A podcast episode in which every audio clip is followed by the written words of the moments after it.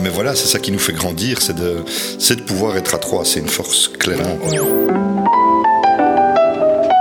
Bienvenue dans le podcast de Cœur Battant. Ici Maya Cham pour Fédéral Assurance. Je suis très heureuse que vous soyez là. Peut-être avez-vous un sens inné de l'entrepreneuriat ou un rêve que vous chérissez depuis longtemps? Ce podcast s'adresse à tous ceux et toutes celles qui ont à cœur d'entreprendre.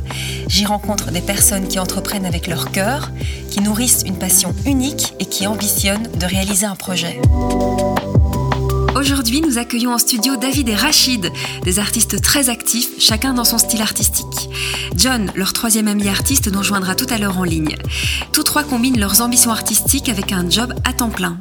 Si la crise du coronavirus a freiné les expos, les événements publics revêtent une importance cruciale pour leurs œuvres d'art. C'est pourquoi ils tentent au maximum d'exposer en trio, car cette mise en commun renforce leur portée artistique. En tout cas, je suis impatiente de découvrir leur histoire, alors je vous propose de commencer tout de suite. Bonjour David, bonjour Rachid, merci d'être là aujourd'hui. Et bonjour John que l'on a par téléphone. Salut John, donc, qui est en direct depuis son atelier, c'est bien ça? Tout à fait, oui. Merci en tout cas à tous les trois d'être là dans ce podcast. Je suis ravie de vous accueillir, de vous recevoir. Euh, alors, on va commencer indirectement. Parlez-moi de vos créations artistiques. Rachid. Ah bah bonjour, merci pour euh, l'invitation. Donc, euh, moi, je m'appelle Rachid et je fais des œuvres sur base de calligraphie. Et donc, j'utilise les formes, les volumes de certaines lettres arabes et d'arabesque, souvent dans leur règne animal, quand c'est figuratif ou alors sur base de géométrie je fais des compositions dans ce sens-là. Et vous, David euh, Moi, j'ai commencé d'abord par beaucoup de compositions géométriques. Et ensuite, j'ai plus travaillé sur des silhouettes, que ce soit des animaux ou des euh, icônes euh, de la musique, du gaming, politique. Ça dépend vraiment des thèmes. On est, on est ouvert à tous les thèmes, en gros. Donc voilà. Des silhouettes ou des arabesques que vous reproduisez l'un comme l'autre sur différents supports d'ailleurs. Hein? Oui, tout à fait. tout à fait. Hein. Donc, on a les médiums en commun, c'est-à-dire qu'on travaille avec des marqueurs euh, à peinture, et là on fait ça sur des, euh, toiles, des feuilles. Des skateboards, des chaussures, des vestes, euh, un peu tous les supports. On a eu des, chaises aussi. Des tables, des chaises, ouais, tout à fait. Génial. de quoi recustomiser tout votre intérieur. Quoi. Exactement. Et, John, vous aussi, vous êtes quelqu'un qui adore explorer tous les supports, toutes les surfaces? Absolument. Absolument. Ben, comme Rachid et David l'expliquaient bien, donc on, on essaye vraiment d'utiliser tous les support possible et inimaginable.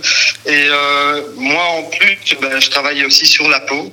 Ah, voilà. Que, voilà, je fais euh, cette formation de tatouage dans un dans un dans un shop assez reconnu à Bruxelles. Donc, euh, donc voilà. Alors vous êtes euh, des artistes individuels, hein, mais vous joignez souvent vos talents dans des expositions. En tout cas, vous aimez joindre vos talents dans des expositions. Comment ça se passe C'est-à-dire que les premières initiatives sont un peu tombées comme ça, puisqu'on nous a proposé euh, de customiser dans un, dans un bar de, de jet euh, des tables et des chaises, et que le propriétaire des lieux, nous connaissant très bien tous les trois, et sachant les liens d'amitié qu'on a ensemble, nous a proposé de le faire à trois en fait.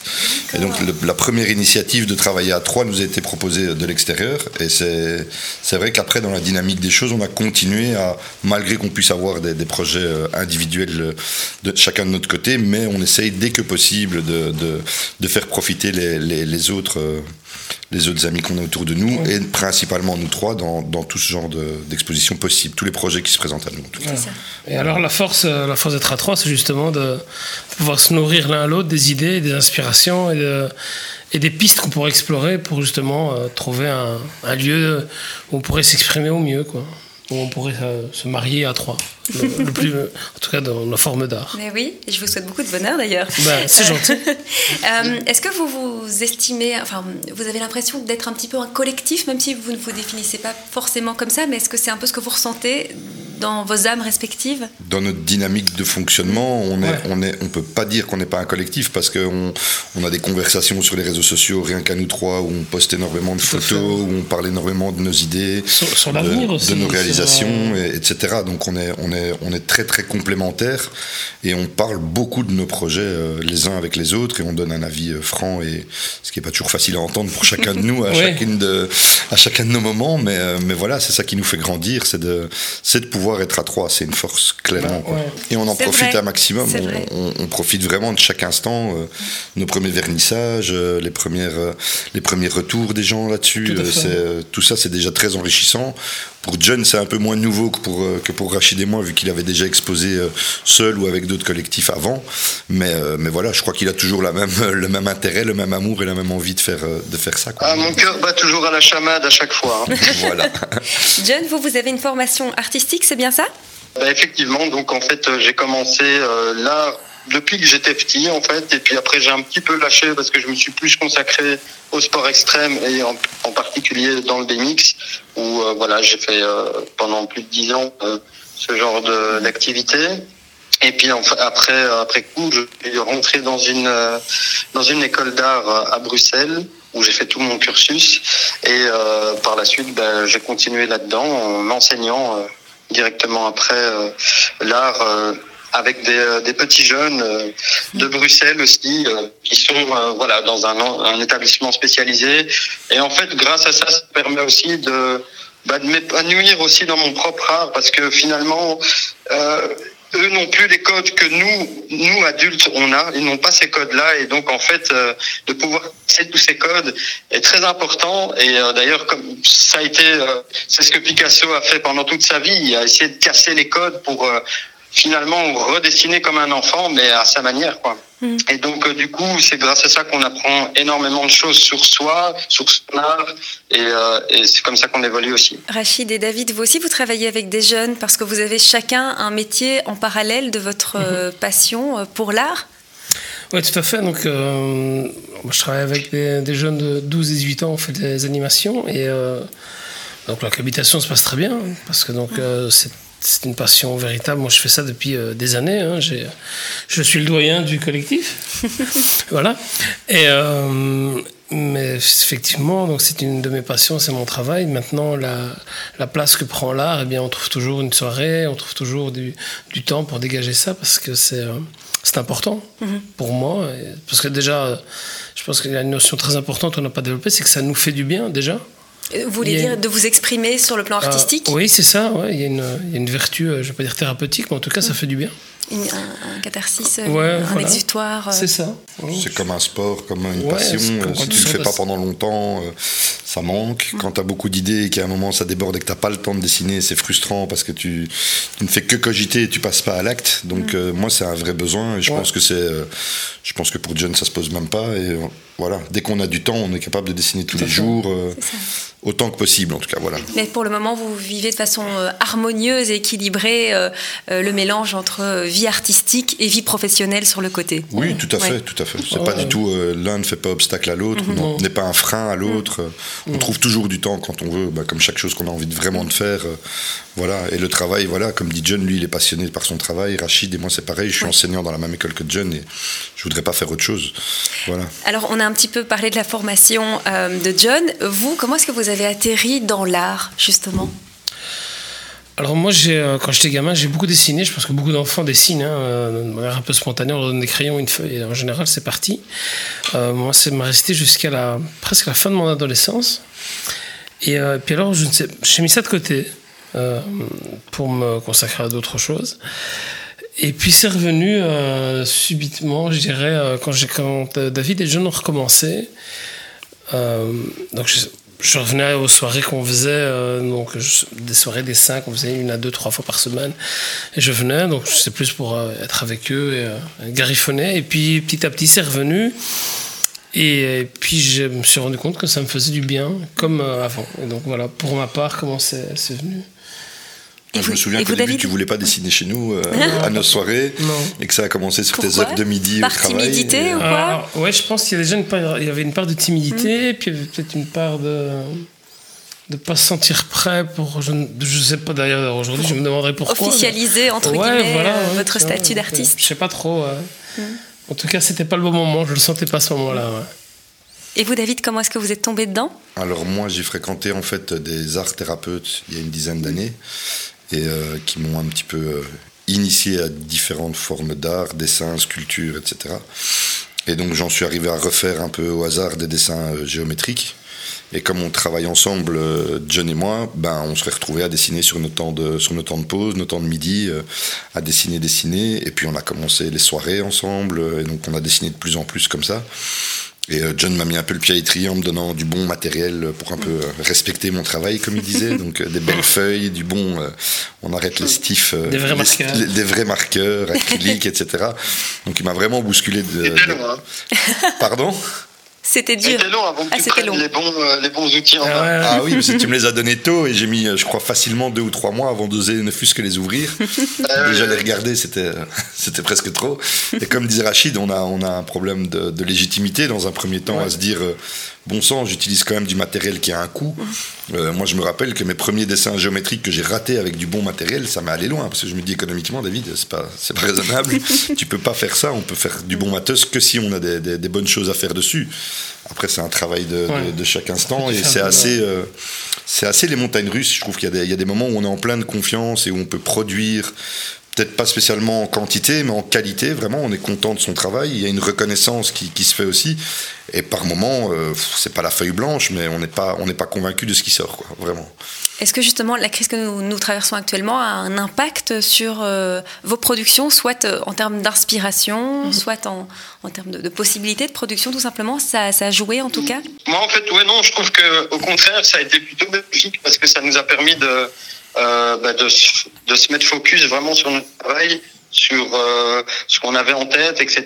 Puisque fatalement, avec tout ce qui s'est passé, bah, du temps, on en avait. Donc, euh, surtout dans les métiers dans lesquels on travaille. Donc euh, voilà. Mais je pense que ça a été vachement bénéfique à ce niveau-là. Moi, en tout cas, je sais que personnellement, j'ai un avant confinement et maintenant après je vois vraiment la différence et je pense que pour David et Rachid, on est dans le même registre. Quoi.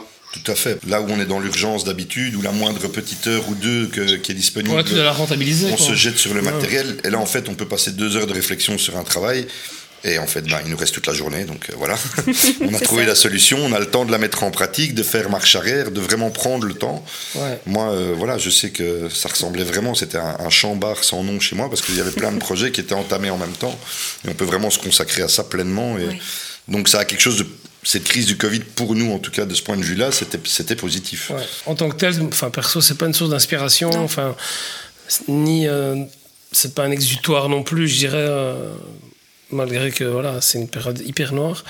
Mais en tout cas, ouais, il y a, le temps que ça, que ça a pu dégager, surtout au premier confinement, c'est horrible de dire premier, euh, ben ouais, on a pu le, le, mettre à profit, en tout cas, pour mettre dans une énergie positive. Ah, mais une fois qu'ils ont commencé à parler de confinement, euh, avec John, on était faire la razzia des magasins de, des magasins matériels. Hein. On, a pris, ah on a pris nos précautions en se disant ça va, le non essentiel, comme on aime à l'appeler, euh, ce qui est d'une tristesse sans nom aussi, va fermer. Donc voilà, on est allé au magasin d'art et on a pris feuilles, marqueurs, crayons, gomme la totale de tout ce qu'on avait besoin, parce qu'on s'est dit on va partir pour un bon bout de temps, et ça va être positif pour nous en fait. Ça va être du temps qu'on va pouvoir euh, prendre pour ça. Quoi. Maintenant, l'influence que ça peut avoir, c'est aussi de se dire ben, dans les futurs partenariats, dans les possibilités que vous avez de démarcher ou pas auprès de tel ou tel euh, prestataire, mhm. partenaire, appelle ça comme, comme on veut, bah, c'est plus compliqué parce qu'en fait, euh, les gens sont, ils ont fermé, ils ont peut-être en faillite, ils sont dans des urgences de réouverture avec des, un cadre très très strict. Donc, ouais, c'est ce que je comprends tout à fait, hein, bien entendu. Hein. Nous, on n'a pas cette réalité-là et on a réussi à trouver le temps et à le rendre pour nous positif. Mais euh, il y a une réalité qui est terrible à côté, évidemment. Qui est, très, difficile. Vous parliez des éventuels, euh, enfin, du réseau hein, nécessaire autour de vous. Est-ce que ça, c'est vraiment quelque chose euh, d'important, justement, pour euh, non pas développer votre art, mais au moins le rendre visible, avoir un bon réseau? Les réseaux sont d'une part essentiels pour la diffusion, en tout cas, de nos travaux. Mhm. Maintenant, je pense que, en tout cas, c'est quelque chose que moi j'ai pu constater personnellement, c'est les gens aiment toujours euh, venir voir les œuvres euh, directement et pas à travers un écran. Et ça, euh, ça me donne beaucoup d'espoir en me disant que bon, ben, tout n'est pas perdu, parce que force est de constater qu'avec ce qui se passe actuellement, ben, tout le monde doit se réinventer, se réadapter, etc., etc. Mais malgré tout, on sent vraiment euh, besoin de d'aller voir les choses, d'aller rencontrer des gens, les artistes, etc., etc. Donc ça c'est très positif. Mais sinon, oui, bien sûr, euh, Instagram, Facebook, enfin pour ne citer que que si en tout cas on peut les citer, euh, sont essentiels, sont essentiels, surtout à l'heure actuelle. Et si on veut toucher euh, autre que, euh, par exemple, la Belgique, si on veut assez Europe mm. ou, outre-Atlantique. Ça, c'est pour ça, c'est un, un, magnifique produit, mais euh, qui n'est pas aux avantages de tout, malheureusement. Ouais, maintenant, alors il y a les réseaux euh, médias, hein, mais effectivement, le, réseau, c'est aussi les, personnes. Et les personnes ressources, les personnes clés un peu. Hein. Et alors là, moi, c'est là, je trouve, où c'est. Euh, essentiel parce que si tu n'as pas le bon numéro de téléphone, le bon mail, le contact et la rencontre avec la bonne personne, bah, tu, peux, tu peux mettre la, ta meilleure photo sur Insta. Il n'y aura rien. Bah, mm. Si, ça va, oui, mais tu n'iras pas plus loin. Mm. L'idée, c'est quand même, de, comme le dit très justement John, la rencontre avec l'œuvre physique, avec l'artiste, avec, euh, parce qu'il se passe quelque chose en fait et que tu sais pas, quand, quand tu as la chance de pouvoir exposer et de rencontrer les, les, gens qui viennent, qui viennent poser des questions, on sait jamais de quoi sont faites les rencontres, qui est en face de nous. Et parfois, il suffit d'une personne qui passe, qui vous dit Moi, ça m'intéresse super fort. Et boum, ça, ça, ça, démarre et ça, emmène, ça amène d'autres choses. Et donc, c'est fait de pouvoir exposer implique quand même, euh, enfin, nous, nous rapporte une dynamique mhm. qu'il faut entretenir parce que je pense que c'est en se rencontrant, c'est en se croisant, et plus on arrive à trouver des lieux d'exposition comme ça avec des gens variés, justement pas rester dans notre zone de, dans notre réseau propre, chaque fois de l'étoffer un petit peu plus, c'est ça qui crée les, nouvelles opportunités. Le, le, bar qu'on nous a laissé pimper, euh, c'est le hasard qui fait, parce qu'on n'était pas dans ce café-là, le patron n'est pas souvent là, on était dans un autre café, un pote nous dit, ah, mais le patron est là-bas, boum, on débarque, on parle avec, il nous propose, hop, quelqu'un vient nous voir à, cet atelier d'art-là, et nous dit, ah mais si ça vous intéresse, euh, bam, un tel veut bien exposer aussi euh, des, artistes qui débutent. Et boum, et comme ça, de fil en aiguille, et là oui, on commence à avoir un réseau intéressant, mais il faut sans cesse le, le, nourrir et le stimuler, parce mhm. que c'est important. Vous avez parlé donc de, ce projet, vous aviez euh, euh, customisé euh, tables, chaises et autres. Est-ce que vous avez d'autres projets ensemble? Je ne parle pas d'exposition, mais vraiment des, projets artistiques que vous comptez faire à trois prochainement? Oui, oui, on en a encore beaucoup. Oui. de ceux qu'on sait déjà, de ceux qui vont nous tomber dessus, parce que à force de générer tout ça à trois, de générer ce collectif à trois, ben ça, ça, rapporte plein de choses, parce que même si on a énormément de connaissances en commun, John a son réseau, et Rachid et moi aussi, on a un réseau quand même plus large que le simple fait de ce qui nous rassemble à trois. Mhm. Donc oui, il y a encore pas mal de projets. C'est ça. Vous allez. Est-ce que vous pouvez déjà nous en dévoiler un petit peu, ou bien c'est top secret sur les, futurs euh, projets artistiques de John David et Rachid? Alors, je ne sais pas si c'est top secret. en tout cas, euh, c'est tellement en gestation que c'est un peu mm. tôt, en fait. D'accord, oui. Chaque chose en son temps. on ne met, pas la charrue avant les bœufs. Euh, on a bien terminé ce qu'on commence. Donc, il y a, déjà les deux prochaines expos dont on a parlé. Oui, justement. Mais là, j'allais vous relancer. Ah, ben euh, prochaine exposition, on peut vous voir. C'est du côté de Gansoren.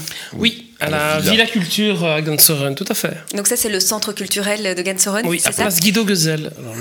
Et c'est en février 2021. absolument. Évidemment. on précise, hein, puisque en ce moment les, calendriers d'événements sont euh, tellement euh, voilà, retardés. Mais là, c'est bel et bien ce mois-ci de février. Euh, vous pouvez donc aller admirer les œuvres de John, Rachid et David. Eh bien, j'aimerais terminer par une citation que j'ai trouvée sur le mur Facebook de David. Je vois un petit sourire naissant. Un monde sans artiste, c'est un monde sans abeilles, car l'artiste est un butineur de conscience, un pollinisateur d'âme. J'ai trouvé ça très joli, très, parlant. Alors merci à vous trois de polliniser nos âmes. Bah, merci. merci du compliment. Mais oui, merci à vous surtout pour l'accueil et pour. Euh, merci. Merci beaucoup. Oui. Eh bien voilà, merci beaucoup d'avoir pris le temps de nous accorder cette interview très intéressante. Je suis certaine que votre témoignage inspirera de très nombreuses personnes et donnera des ailes à leurs projets. Merci aussi à vous, chers auditeurs, d'avoir écouté ce podcast de cœur battant. Je vous donne rendez-vous bientôt pour un nouvel épisode en présence d'un autre invité. Bye bye